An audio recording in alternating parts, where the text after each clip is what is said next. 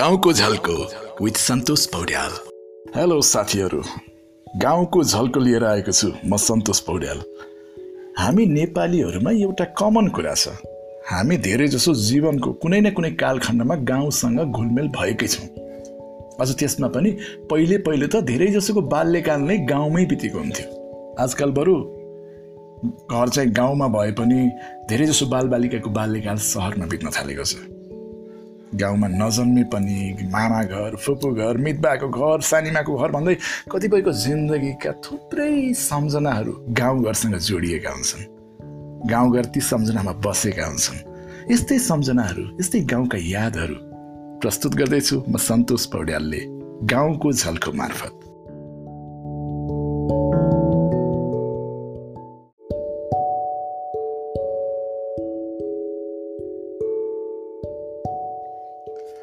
आउनुहोस्। आज एकछिन कुरा गरौँ। गाउँतिर पहिला हामीहरूले खेल्ने केही खेलहरूको बारेमा। तपाईँहरू कतिलाई याद छ गेम अफ खेलेको मोजाको बल बनाएर फुटेका कपडाहरूलाई खप्ट्याएर राख्ने अनि त्यो ढलाएर खेल्ने त्यो खेल। यसै गरी गुल्ली डन्डा पनि निकै फेमस थियो हामीहरू बिच। डन्डी बियो पनि भनिन्छ त्यसलाई तर हाम्रोतिर गुल्ली डन्डा नै भनिन्थ्यो। चिट्ठा पनि खेलिन्थ्यो त्यो बेला। चारवटा ठुला ठुला कोठाहरूको घेरा बनाएर खेलिन्थ्यो त्यो चिट्ठा एक साइडबाट अर्को साइडमा पुग्नु पर्थ्यो र त्यसरी कोठा पार गर्नेलाई छेकेर बस्थ्यो अर्को टिमले। लात्तीले हान्ने गर्थ्यो विपक्षी टिमलाई। यसै क्रममा कहिलेकाहीँ नराम्रोसँग चोट पनि लाग्ने गर्थ्यो। स्कुलमा पनि त्यो घेरा कोरेर बनाइएको हुन्थे त्यो चिट्टा खेल्ने मैदान।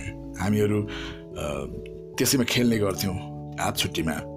यसै गरी अर्को थियो रमाइलो खेल। त्यो भुरुङ जसलाई कसैले लड्डु पनि भन्ने गर्छन् कसै कसैले एउटा गोलो घेरा बनाएर बिचमा त्यो भुरुङ यस्तै नचाहिन्थ्यो। अलिकति पैसा भयो भने बजारबाट भुरुङ किनिन्थ्यो। यदि पैसा भएन भने आफैले पनि बनाउन जानिएको थियो त्यो भुरुङ त्यो काठलाई खोपेर बनाइन्थ्यो त्यो एकदम एकदम होममेड तर त्यो बजारको भुरुङ चाहिँ हेर्दाखेरि अलि राम्रो फिनिसिङ भएको हुन्थ्यो। अनि घुम्न पनि राम्रोसँग घुम्थ्यो त्यो। हातले बनाएको चाहिँ अलिकति बाङ्गे टिङ्गे भए पनि जे होस् बाङ्गे टिङ्गे भए पनि त्यो। अब त्यो फोकटमा पाएको कुरा भयो। अनि आफूले गराएको भएपछि मन पनि पर्थ्यो। कलरहरू केही लगाइएको हुन्न थियो त्यसमा। एकदम ओरिजिनल काठकै हुन्थ्यो त्यो। अनि भुरुङ खेल्दाखेरि हामीले त्यो एक दुई तिन भनेर एकैचोटि त्यो डोरीले घुमाएर नचाहिन्थ्यो। अनि त्यो नाचिरहेको भुरुङलाई नचाउन प्रयोग भएको त्यो डोरीले अल्झाएर भुइँबाट यस्तो माथि उफार्ने अनि त्यसलाई हातमा ल्याएर सेल भन्ने गरिन्थ्यो। यो क्रममा सबैभन्दा लास्ट जो हुन्थ्यो नि उसको भुरुङलाई बिचमा राखेर अरू सबै भुरुङहरूले हान्ने गर्थे बजाउँथ्यो त्यसलाई। त्यो किलाले भुरुङलाई ठोकिन्थ्यो।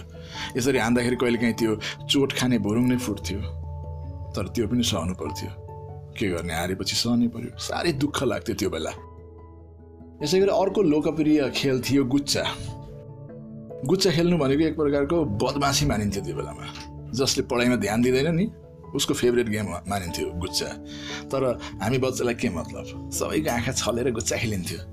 गाउँमा कुनै कुनै आफूभन्दा सिनियरहरू हुनुहुन्थ्यो। सिनियर भन्दा पनि अझ धेरै नै सिनियर बुवाहरू जस्तो।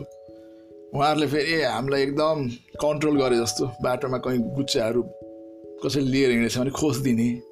अलिकति दादागिरी चल्थ्यो कि उहाँहरूको। साह्रै रिस उठ्थ्यो त्यो बेलामा। अनि त्यो बेलामा हामी खोप्पी पनि खेल्ने गर्थ्यौँ। खोप्पी भन्ने एउटा खेल हुन्थ्यो। त्यो कोकका बिर्कोहरू कुच्चाएर बनाइएका हुन्थ्यो त्यो खोप्पीका गोटीहरू। तर हाम्रोतिर बरु त्यति त्यो कोकका बिर्कोहरू पाइँदैन थियो। त्यसैले हामीले त्यो पच्चिस पैसाको सिक्काहरूलाई फाल्ने गर्थ्यौँ पहिला। अनि ठुलो एउटा ढ्याक हुन्थ्यो त्यो स्ट्राइकर। त्यो स्ट्राइकरले चाहिँ त्यो सिक्काहरूलाई हानेर खोप्पी खेल्ने चलन थियो। खोप्पीमा अलिकति पैसाको कारोबार हुन्थ्यो। त्यसैले हामी धेरै खेल्दैन थियौँ। किनकि हामीसँग धेरै पैसा पनि हुँदैन थियो। अनि केटीहरूको लागि फेरि गट्टा भन्ने खेल्थे गट्टा खेल्थे त्यो ढुङ्गाहरू कलेक्ट गरेर गट्टा खेल्ने थिए। अनि बर्मेली भन्ने पनि खेल्ने गर्थे। भुइँमा बसेर दुईजनाले आफ्ना दुईवटा खुट्टाहरू जोडेर बस्ने अनि अर्को एकजना त्यही खुट्टा नाग्दै उफ्रिँदै खेल्ने एकदम लोकप्रिय खेल थियो। कहिलेकाहीँ हामी केटाहरू पनि खेल्थ्यौँ त्यो। पछि ठुलो हुँदै गएपछि खेलको प्राथमिकता पनि परिवर्तन हुँदै गए। अब हामीले पनि अरू नयाँ नयाँ स्ट्यान्डर्ड खेलहरू आफूलाई लाग्ने नि ठुलाहरूले खेल्ने अलिकति स्ट्यान्डर्ड होला भन्ने। पछि हामीहरू भलिबल खेल्न थाल्यौँ। भलिबल खेल्नको लागि पनि हामी अलिक सानो हुँदा हामीसँग बल मात्रै हुन्थ्यो। बल्ल बल्ल पैसा उठाएर एउटा बल किनेका हुन्थ्यो। र त्यो नेटको ठाउँमा डोरी मात्र टाँगेर पनि खेलिन्थ्यो। निकै रमाइलो लाग्थ्यो। अनि पछि अलिअलि पैसा उठाएर नेट पनि किनिन्थ्यो। भलिबलका अरू पनि रोचक कुराहरू छन्। थुप्रै रोचक कुराहरू छन् भलिबलको बारेमा। धेरै कुरा गर्नु बाँकी छ तपाईँहरूसँग। अरू एपिसोडमा मैले यसको चर्चा गर्नेछु त्यसको बारेमा। यो बाहेक अरू पनि रमाइला खेलहरू हुन्थे। खोडखोडे झन्डा बुर्जा भनिन्छ जसलाई। बजारमा अथवा कुनै मेलामा जाँदाखेरि हामीले खेल्ने गर्थ्यौँ। एक प्रकारको जुवा टाइपकै खेल हो त्यो पैसाहरू हारिन्थ्यो। अब धेरै त पैसा हुन्न थियो अलिअलि पैसा लिएर कुनै दिन बजार गइएछ अथवा कुनै दिन हामी मेलामा गइएछ भने सबभन्दा पहिला गएर त्यो झन्डा बुर्जा जसलाई हामीले खोडखोडे भन्थ्यौँ त्यो खेलिन्थ्यो। अनि यसै गरी सानोमा लुकामारी खेलिन्थ्यो जसलाई हामीले पिकोल भन्ने गर्थ्यौँ। पिकोल भन्दै हामी कराउँथ्यौँ चुङ्गी खेलिन्थ्यो। अनि यति यति पानी गङ्गैरानी भन्ने खेलिन्थ्यो। कागजको फिरफिरे बनाएर त्यो आलसको बोटको सिन्का त्यो आलस जुन फलेको हुन्छ त्यो गेडा त्यसलाई अड्काएर कुदिन्थ्यो मजाले त्यो फिरफिरे नचाउँदै। गाउँका खेलहरू यतिमा मात्र सीमित भने छैनन्। थुप्रै खेलहरू अरू पनि छन्। अर्को कुनै कार्यक्रममा फेरि चर्चा गर्नेछु।